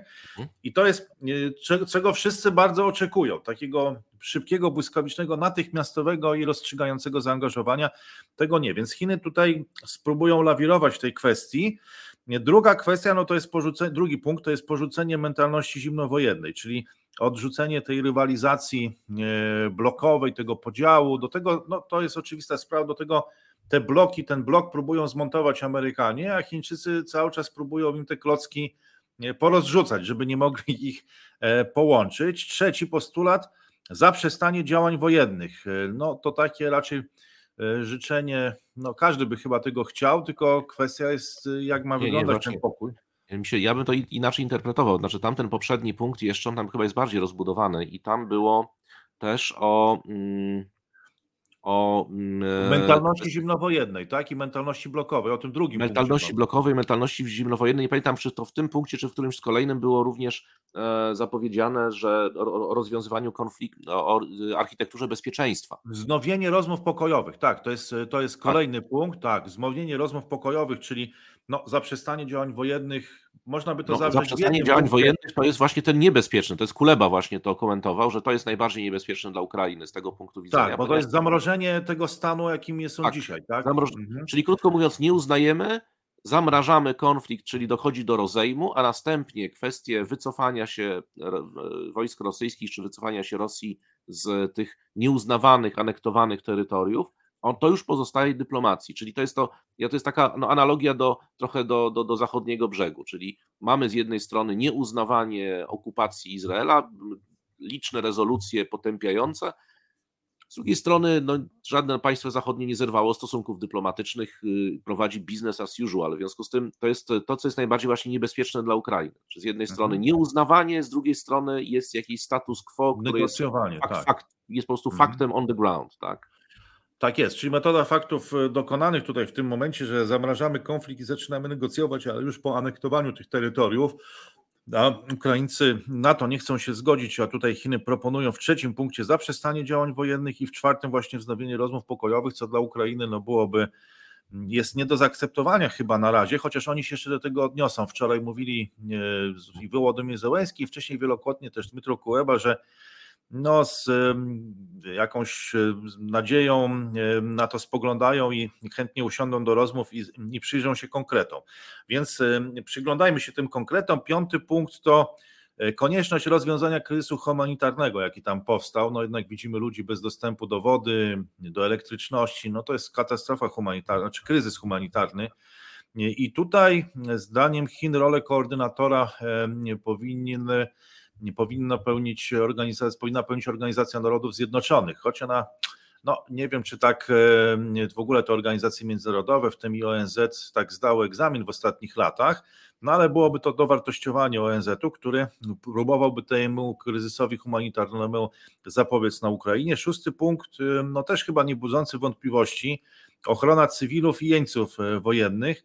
Siódmy, no o tym było dużo, ostatnich 12 miesiącach zapewnienie bezpieczeństwa elektrowniom jądrowym. Ta kwestia, zdaje się, Zaporoża i tego, że toczyły się tam wokół tej elektrowni działania wojenne i też to groziło katastrofą. Tutaj odpowiedzialność za to, zdaniem Chin, powinna wziąć na siebie Międzynarodowa Agencja Energii Atomowej. Ósmy punkt to redukcja strategicznych zagrożeń, czyli takich jak używanie broni atomowej. Tutaj nawet Chiny współpracowały ze Stanami Zjednoczonymi jesienią zeszłego roku, wywierając presję na Federację Rosyjską do tego, żeby na, wywierając w tej presję na Federację Rosyjską, aby ona nie używała broni atomowej. Tutaj Chiny twierdzą też, że są przeciwne badaniom, rozwojowi i stosowaniu broni chemicznej, co ciekawe, biologicznej przez jakikolwiek kraj, w jakichkolwiek okolicznościach, więc nie tylko chodzi o Rosję w, na Ukrainie. E, dziewiąty punkt, ułatwienie eksportu zboża. No zdaje się, że tam jest jakiś kruchy konsensus, w którym uczestniczy Recep Erdogan i Turcja, i na tym, która na tym zarabia, ale no, tutaj jest wezwanie do wypełniania postanowień umowy wynegocjowanej właśnie przez Ukrainę, Rosję, Turcję i ONZ. Dziesiąty, to ciekawe, zaprzestanie jednostronnych sankcji, e, to odnosi się do sankcji nałożonych przez USA i inne kraje jakby zachodu tutaj. E, jedenasty to utrzymanie stabilności łańcuchów e, dostaw i łańcuchów przemysłowych, bo to uderzyło w globalną światową gospodarkę. No i Chiny nie byłyby Chinami, gdyby nie wspomniały o odbudowie stref ogarniętych konfliktem po jego zakończeniu, czyli już mówi się w tym dwunastym punkcie o jakiejś możliwej odbudowie e, Ukrainy. Ciekawe, jak ona no, kiedyś pewnie do niej dojdzie, jak to będzie wyglądać i czy Chiny w ogóle wezmą w jakiś tam sposób w ogóle w niej udział, no ale o tym w 12 punkcie wspominają. No i zaskoczyło to pana, y, czy y, nie zaskoczyło? Ja bym, no, chyba nie zaskoczyło. Chyba nie zaskoczyło. Ja bym, ja, ja bym, ja bym chciał właśnie jeszcze, jeszcze do, do, dokładnie do tego tekstu nawiązać, bo tutaj w tym drugim, to dobrze pamiętałem, w drugim punkcie mamy oczywiście porzucanie mentalności zimnowojennej, ale mamy również taki tekst. Bezpieczeństwa regionu nie należy osiągać poprzez wzmacnianie lub rozbudowę bloków wojskowych uzasadnione interesy i obawy dotyczące bezpieczeństwa wszystkich krajów muszą być traktowane poważnie i właściwie traktowane. I właściwie, czyli to jest tak naprawdę powtórzenie stanowiska rosyjskiego.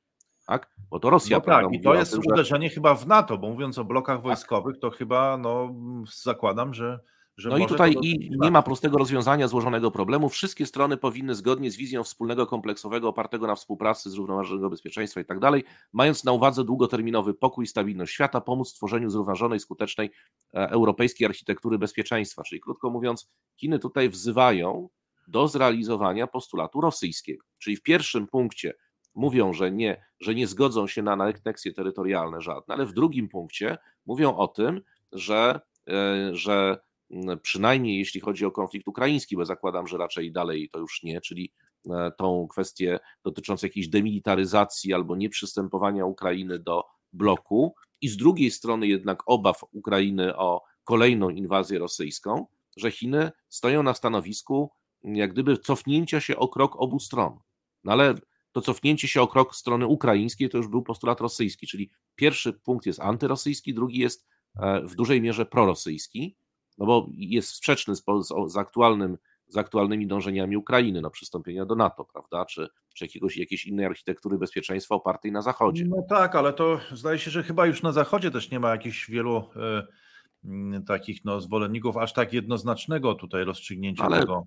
Ale powiedzmy sobie, nawet jeżeli, jeżeli wyobraźmy sobie, że Ukraina, że się kończy wojna, Ukraina jest państwem, nawet jeżeli nie zostanie członkiem NATO, to jest państwem na przykład, które ma sojusz wojskowy ze Stanami Zjednoczonymi, amerykańskie jednostki na swoim, na swoim terytorium i tak no jakieś, dalej. Jakieś gwarancje, tak? Jakieś gwarancje. Czy gwarancje amerykańskie, suwerenności, więc to jest to przeciwko Chiny, czemu Chiny występują, czyli z jednej strony, e, czyli tak jak gdyby, gdybyśmy się popatrzyli na ten dokument całościowo, to mamy e, jednak e, przywiązanie Chin, przynajmniej z tego dokumentu wynikające, do takich pryncypiów prawa międzynarodowego. No to jest powrót do karty, bezpiecz- karty Narodów Zjednoczonych i do takich właśnie pryncypiów. Z jednej strony mamy e, kwestie dotyczące suwerennej, suwerenności państw i integralności terytorialnej, czyli fundament ONZ-u. Z drugiej strony mamy kwestie dotyczące bezpieczeństwa. Przecież pamiętajmy, że e, ONZ nie powstało wczoraj. No ONZ zapewniało jednak mniej więcej pokój, a przynajmniej nie do, e, zapobie, zapobiegło III wojnie światowej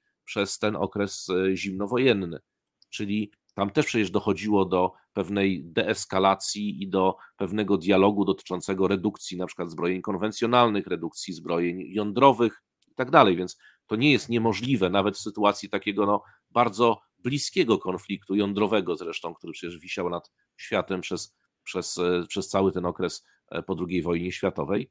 Więc to jest też powrót do tego, no przy czym oczywiście to już nie służy interesowi ukraińskiemu, gdybyśmy się popatrzyli na to z punktu widzenia tak, tylko, Ukrainy.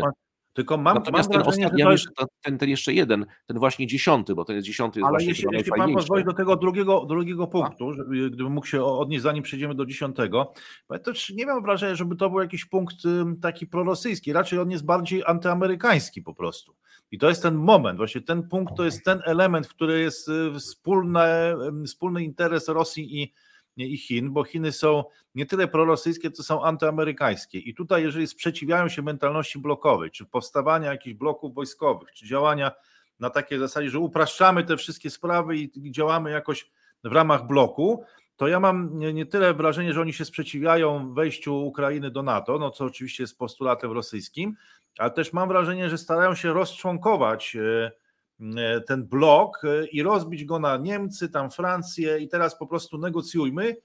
I wtedy to już prawdopodobnie bez Amerykanów, tak? Czyli Rosja, Niemcy, Francja, czy to jest znowu to rozbijanie tych amerykańskich klocków, tak, w ale... tym przypadku na Ukrainie, więc no i rezultat tego jest stanowisko prorosyjskie, ale ono bardziej jest amerykańskie i dopiero potem jest prorosyjskie. No, no tak, tak, ale, ale, ale tak czy inaczej mówią, tak czy inaczej mówią o jakiejś nowej europejskiej architekturze bezpieczeństwa, a postulat, postulaty rosyjskie sprzed wojny, to co właśnie Putin postulował, to była właśnie nowa architektura bezpieczeństwa w Europie. No to, tak, ale pytanie teraz, czy, czy, to nie jest profrancuskie i proniemieckie? Czy Francuzi i Niemcy też nie myślą o jakiejś strategicznej autonomii? Czy oni też nie chcą tworzyć tą architekturę bezpieczeństwa, a razem. E, no, ale, właśnie... jeżeli, ale jeżeli byśmy popatrzyli się na to, co, co miała oznaczać, jeżeli byśmy powrócili do tych dokumentów rosyjskich, to przypomnijmy, że to oznaczałoby, czyli ta nowa architektura bezpieczeństwa, to co zaproponował Putin przed wojną, no jeżeli i, i Chińczycy, i Putin mówią dokładnie o tej, tej samej instytucji,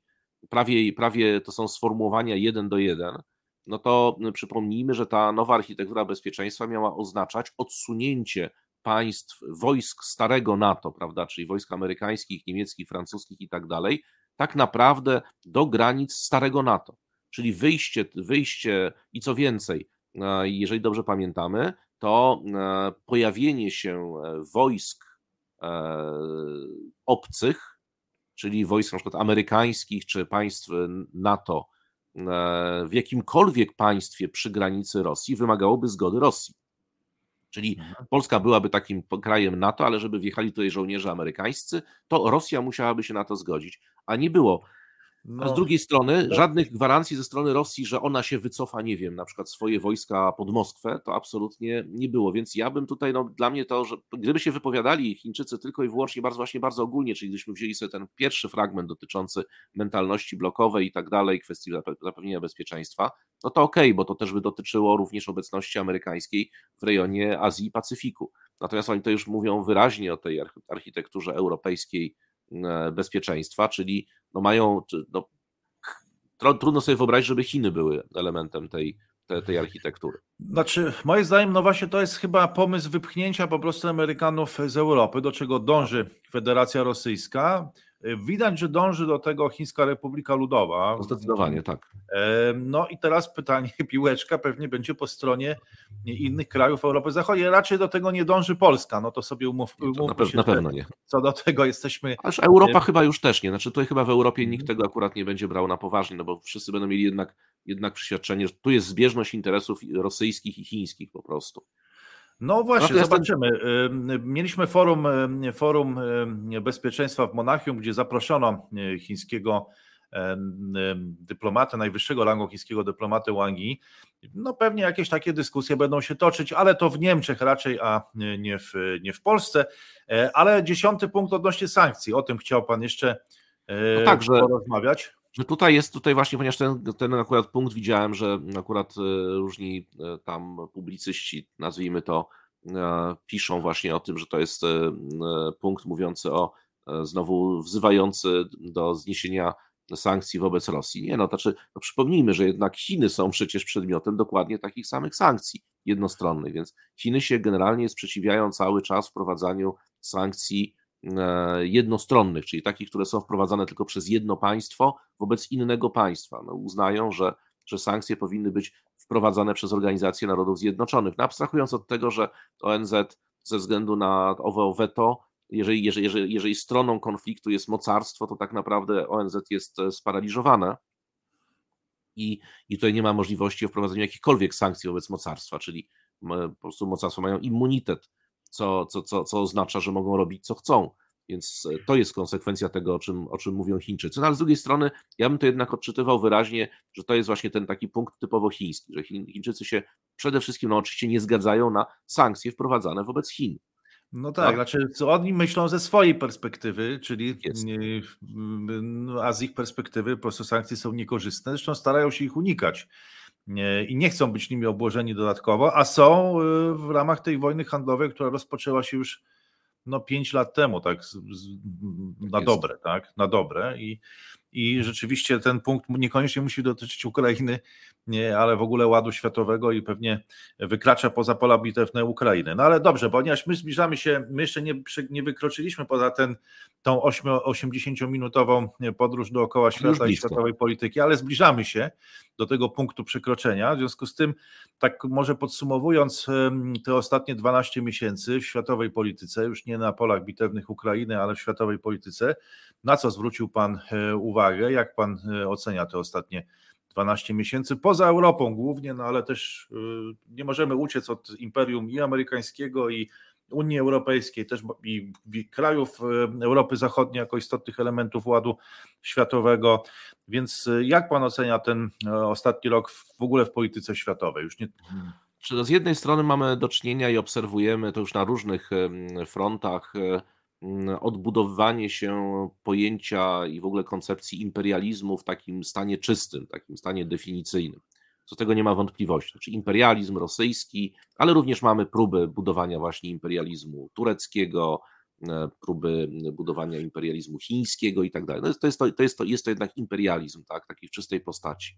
Z drugiej strony, w związku z tym, że jednak nawet jeżeli Rosja mówi o tym, że jest za światem multipolarnym i nie buduje bloków, no buduje bloki. To, co robi w tej chwili dyplomacja rosyjska, to po prostu buduje sobie blok. Ten blok nie musi być sformalizowany, to nie musi być Układ Warszawski 2, ale chociażby ostatnie wizyty, e, wizyty Ławrowa w Afryce, gdzie próbuje zbudować e, grupę państw związanych z Rosją, która otacza Maroko, bo Maroko jest teraz, e, teraz sojusznikiem Stanów Zjednoczonych. Ale to są bloki czy koalicje? No są to koalicje, prawda? No ale tak czy inaczej, to, to, to są koalicje, które mają, to znaczy taki klasyczny blok sformalizowany już po tej stronie rosyjskiej zapewne nie powstanie, bo już z tym, który mają, prawda, z tą OCDB mają, mają problem z utrzymaniem jakiejś jedności i spójności, chociaż tam były przecież spektakularne różne interwencje, ale tak czy inaczej to świat zmierza w każdym razie do takiej polaryzacji wokół Ukrainy, to znaczy przeciwko Rosji i za Rosją. I pojawia nam się podobnie jak w czasie zimnej wojny grupa państw niezaangażowanych e, lub państw pivotalnych, osiowych, jakbyśmy to ich nie nazwali, bo przecież właśnie to nie, nie musi być, to może być tak jak Turcja, prawda, państwo formalnie będące członkiem przecież bloku, a jednocześnie próbujące odgrywać rolę dokładnie taką jak państwa niezaangażowane, czy takie państwo obrotowe, które próbuje handlować i utrzymywać relacje ze wszystkimi stronami e, rywalizacji blokowej. I to jest taki, to trochę rzeczywiście zaczyna przypominać świat, e, to co obserwowaliśmy w czasie e, zimnej wojny. E, to jeszcze się nie wykrystalizowało, to się nie stanie w ciągu jednej sekundy, no ale właśnie czy próby właśnie budowania tych organizacji, czy w Azji Pacyfiku, czy w Afryce, przez przede wszystkim Chiny, Chińczycy chcą się jednak z tej blokowości wyłączyć, no ale budują sobie tak naprawdę własny blok, no blok antyimperialny, prawda, czy to, to nie musimy tego nazywać blokiem, nazwijmy to grupą sympatyków, ale tak czy inaczej e, przy tej sympatii pojawiają nam się już i kontrakty zbrojeniowe, i jakieś bazy, e, i jakieś porozumienia dotyczące wzajemnej obrony, czy, czy, czy, czy pomocy w dziedzinie bezpieczeństwa, czyli to wykracza już poza jakieś powiedzmy fanklub y, zajmujący się wspólnie kulturą czy rozwojem relacji gospodarczych. No tak, no rzeczywiście, zobaczymy. Wydaje mi się, że ten rok będzie kluczowy. Ten rok będzie kluczowy co do tego, czy to się utwardzi, czy wykrystalizuje, no bo te mm, przemówienia Wang Yi w Monachium, jak i te 12 punktów, no pokazują, że przynajmniej Chiny robią wszystko, żeby się zdystansować od tego konfliktu, tak? Czyli z jednej strony nie zrazić Federacji e, Rosyjskiej, przynajmniej publicznie, wykorzystywać ją trochę, no tak trzeba chyba to określić, jako takiego narzędzia do destabilizowania, czy też testowania nawet E, spoistości tego świata zachodniego. E, Rosja wzięła na siebie jednak ogromny ciężar e, nie tylko restauracji własnego imperium, ale ponieważ chce to imperium odrestaurować, to zanegowania dotychczasowego ładu globalnego i podjęła największe ryzyko. Tak? Natomiast Chiny się temu przyglądają i pewnie będą robić wszystko, żeby do wykrystalizowania się takich bloków nie doszło w 2023 roku. To nie jest zbyt odkrywcze tutaj stwierdzenie. No a jak będzie, jak będzie, to zobaczymy. Po tych 12 miesiącach zobaczymy, jakie będą następne 12 miesięcy. No ja szczerze mówiąc, tak najbardziej się zastanawiam, są trzy warianty dla Polski osobiście i co z tego wyniknie, bo tutaj byliśmy gospodarzem tej gry imperiów, tam przez przemówienie Bidena byliśmy współgospodarzem razem z Ukrainą. No kiedyś organizowaliśmy Mistrzostwa Europy w piłce nożnej, a teraz grę imperiów w ostatnim tygodniu, wspólnie tą prawdziwą światową. I, i e, no, pierwsze to jest jakieś szybkie zakończenie tego konfliktu, ale mam takie wrażenie, że te trzy mocarstwa okopały się na swoich pozycjach i jedyne co robią, to bardziej to robią to samo, bardziej to samo lub mniej to samo, ale jednak cały czas to samo. E, zarówno jeśli chodzi o Stany Zjednoczone, jak i, jak i Rosję, jak i Chiny. No i, i, scenariusz szybkiego zakończenia to scenariusz numer jeden. No drugi, którego ja się obawiam, to jest pakistanizacja Polski jako już tego zaplecza frontowego i trzeci to jest koreanizacja, co właściwie już w polskiej debacie zostało przesądzone. Mam wrażenie, że jesteśmy Berlinem Zachodnim i staniemy się Koreą Południową wkrótce.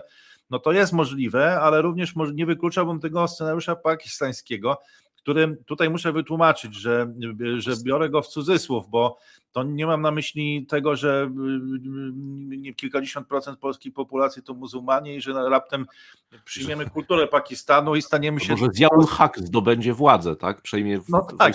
No, nie, nie. Czy zaczniemy grać w krykieta, który zdaje się jest popularny e, tak, w, w, tamtym kraju? No nie, nie. To nie, nie to mam na myśli, tylko to, że staniemy się zapleczem frontowym w długim, przedłużającym się konflikcie, który będzie generował koszty społeczne, polityczne, gospodarcze, to na przykład zmieni też percepcję Polski, inwestorów, inwestorów, kapitału e, i, e, i który spowoduje, że wojna e, tocząca się za naszą granicą będzie w centrum właściwie wszystkiego, całego życia politycznego, społecznego i gospodarczego.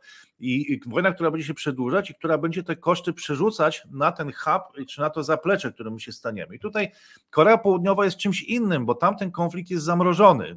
Raz, że Korea jest stroną w tym konflikcie, ale konflikt został zamrożony. E, i w związku z tym on gdzieś tam jest oczywiście bardzo ważny. Ja mam wrażenie, że w Korei Południowej to on jest nawet jakimś pewnego rodzaju tematem tabu. No to nie jest coś, o czym się rozmawia, tak bardzo jak my cały czas rozmawiamy o polach bitewnych Ukrainy, tylko że to jest gdzieś w ogóle e, poza e, jakby tą perspektywą, czy tym mainstreamem w ogóle opinii publicznej, czy tej dyskusji, która się tam toczy, czy to w przestrzeni publicznej, czy w rozmowach prywatnych.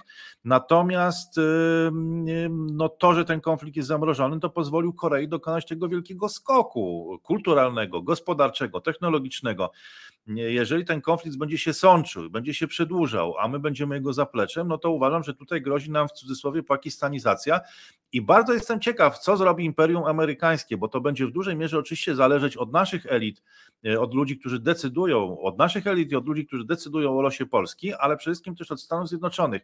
E, czy, czy tutaj ta gra imperiów pójdzie im sprawnie? Czy, e, czy, czy, czy zakończy się koreanizacją Polski, czy będziemy Koreą Południową?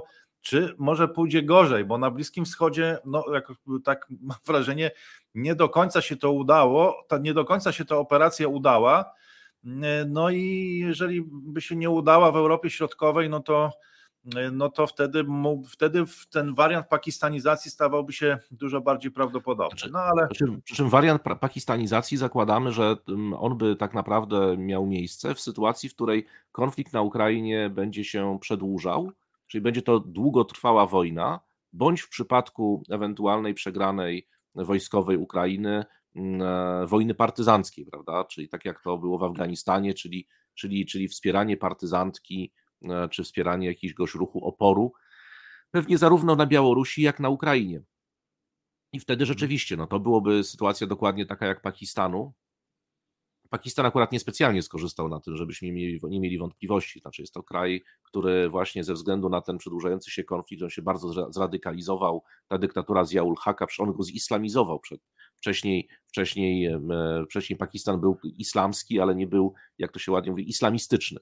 W tej chwili te wszystkie ustawy, prawo o bluźnierstwie i tak dalej, to, to, to jednak jest, e, to, to jest właśnie ten okres dokładnie z jednej strony. Z drugiej strony, gdybyśmy mówili o koreanizacji, no to ja rozumiem, że w takiej sytuacji, w której dochodzi do jakiegoś rozejmu, e, czyli rozejmu na Ukrainie, albo, albo znowu przegranej Ukrainy i pojawieniu się wojsk rosyjskich na, na granicy polskiej, no bo ten konflikt e, koreański, no jego e, jednak cechą współczesną jest to, że ta, ta, linia, ta linia kontroli, prawda, czy ta linia niby granicy, ona jest jednak linią stabilną. Znaczy ten, ten, tak, ten, ten jest, to chwie, jest to chwiejna jest... równowaga, ale jednak równowaga. Ale jednak równowaga. To nie jest właśnie tak jak w Nagornym Karabachu, prawda, gdzie mieliśmy jakieś zaprzestanie, czy, czy na linii kontroli w Kaszmirze, gdzie mamy niby, niby zaprzestanie działań wrogich, a jak to jedna strona drugiej nie odstrzela z moździerza, to w ogóle jest to dzień nieudany. W związku z tym, e, więc ta koreanizacja zakładałaby stabilność jednak tego rozejmu, który by został e, zawarty, no bo jeżeli załóżmy, nawet gdybyśmy, gdyby dzisiaj zakończyły się działania zbrojne na Ukrainie, załóżmy, żeby w tej chwili ta linia aktualnej kontroli to było to, co w tej chwili strony zajmują, to tak czy inaczej my mamy jeszcze perspektywę pojawienia się na przykład likwidacji państwa białoruskiego i wtedy pojawienia się już normalnie, regularnie wojsk rosyjskich, czyli granicy polsko-rosyjskiej nie tylko w Kaliningradzie, ale również wzdłuż granicy e, z Białorusią, już nie tylko tak de facto gdzie tych wojsk jednak rosyjskich dużo nie ma, ale de jure po prostu, czyli graniczymy z Rosją, to jest, będzie najdłuższa nasza granica wtedy, czyli z Federacją Rosyjską. I wtedy też zupełnie inaczej wygląda sytuacja Polski, no bo ten, ten nowy, nowy mur między wschodem i zachodem powstanie no, na miejsce tego, tego płotu, który żeśmy w tej chwili stworzyli, ze wszystkimi tego konsekwencjami, czyli, czyli, czyli potencjalnie taki właśnie, tak jak w Berlinie Zachodnim, gdzie te armie stoją naprzeciwko siebie i z, z rękami na, na, na tym spuście. No, no, tego byśmy chcieli, marzymy o tym, e, takie mam e, wrażenie, ale e, no ale to w sytuacji, tak jak pan powiedział, stabilizacji, utrzymania chwiejnej, ale jednak równowagi w sytuacji zamrożenia tego konfliktu. Natomiast kiedy on będzie się sączył i kiedy on, ten obszar niepewności będzie cały czas pozostawał na bardzo wysokim poziomie, no to obawiam się, że to nie będzie scenariusz dla nas pozytywny, no ale tutaj również obserwujmy, co się wydarzy w tych następnych 12 miesiącach. Może się to przez 12 miesięcy nie wyjaśnić, no zobaczymy, ale oby się wyjaśniło. No, czas... Prawdę powiedziawszy, obie strony konfliktu zapowiadają w tej chwili ofensywę. Niektórzy twierdzą, że ta ofensywa już się zaczęła u Rosjan, niektórzy, że dopiero będzie. Ukraińcy zapowiadają ofensywę. Jakiś przełom jeżeli no dojdzie tak, do ale przełomu... i, i, spodziewaliśmy się tego w przemówieniach, że, że coś zostanie powiedziane więcej i nic takiego się nie stało. No może właśnie obie strony y, trzymają karty przy orderach, prawda? Nie, nie, nie tak, ujawniają. Cisza, swoich... cisza przed burzą, rozumiem, cisza przed Taka burzą. Cisza przed burzą. No, przypomnijmy, że w sumie jakby nie było, to ta ofensywa na przykład ukraińska przecież e, na Charkowszczyźnie zapowiadana była wcześniej w Chersoniu, że ona będzie w Chersoniu, a doszło do ataku niespodziewanego jednak na, na Charków, a Chersoń był jakby wynikowy, czyli Herson, na Chersoniu w drugiej kolejności, więc być może tutaj też będziemy mieli do czynienia z czymś, z czymś podobnym. No ale jeżeli nie będzie przełomu, no to będzie stagnacja. Jeżeli będzie stagnacja, to powstaje pytanie, która strona wytrzyma dłużej sytuację takiej właśnie stagnacji, czyli jakiejś tam stabilizacji linii frontu, e, zdobywania być może przez Rosjan czy przez Ukraińców jednej, dwóch wsi, czego przesuwania się w sposób niezasadniczy. Czyli takie Verdun, czyli takie Verdun. Tak, właśnie, dokładnie takie właśnie Verdun, taka Somma może nawet, gdzie się też strony wykrwawiają, tak jak na tych frontach zachodnich I wojny światowej. E, no dobrze, czas pokaże. Nie wiem, czy e, przedłużamy tą naszą podróż dzisiaj do 100 minut.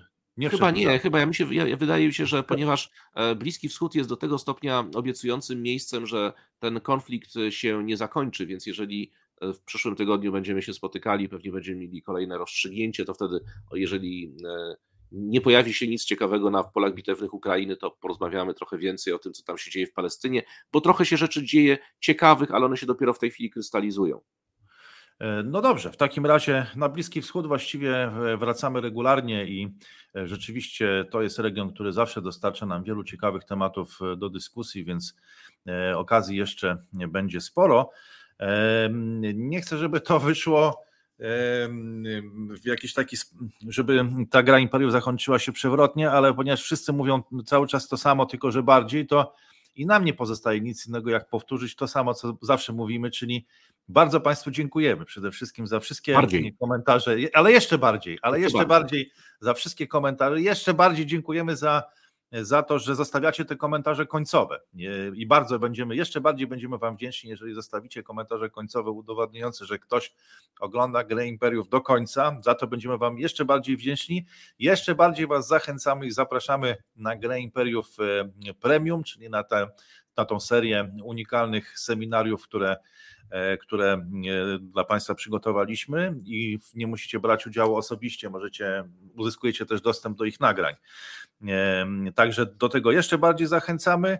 No i cóż, jeszcze bardziej za wszystko e, dziękujemy, także jeszcze bardziej dziękujemy za wsparcie i jeszcze bardziej zapewniamy wszystkich, że gra Imperiów nigdy e, się nie kończy, a dzisiaj przez 90 minut e, ze złudzeń odzierali Państwa Wojciech Szewko i Radosław Pyfer. Kłaniamy się i widzimy się zapewne wkrótce. Wszystkiego dobrego.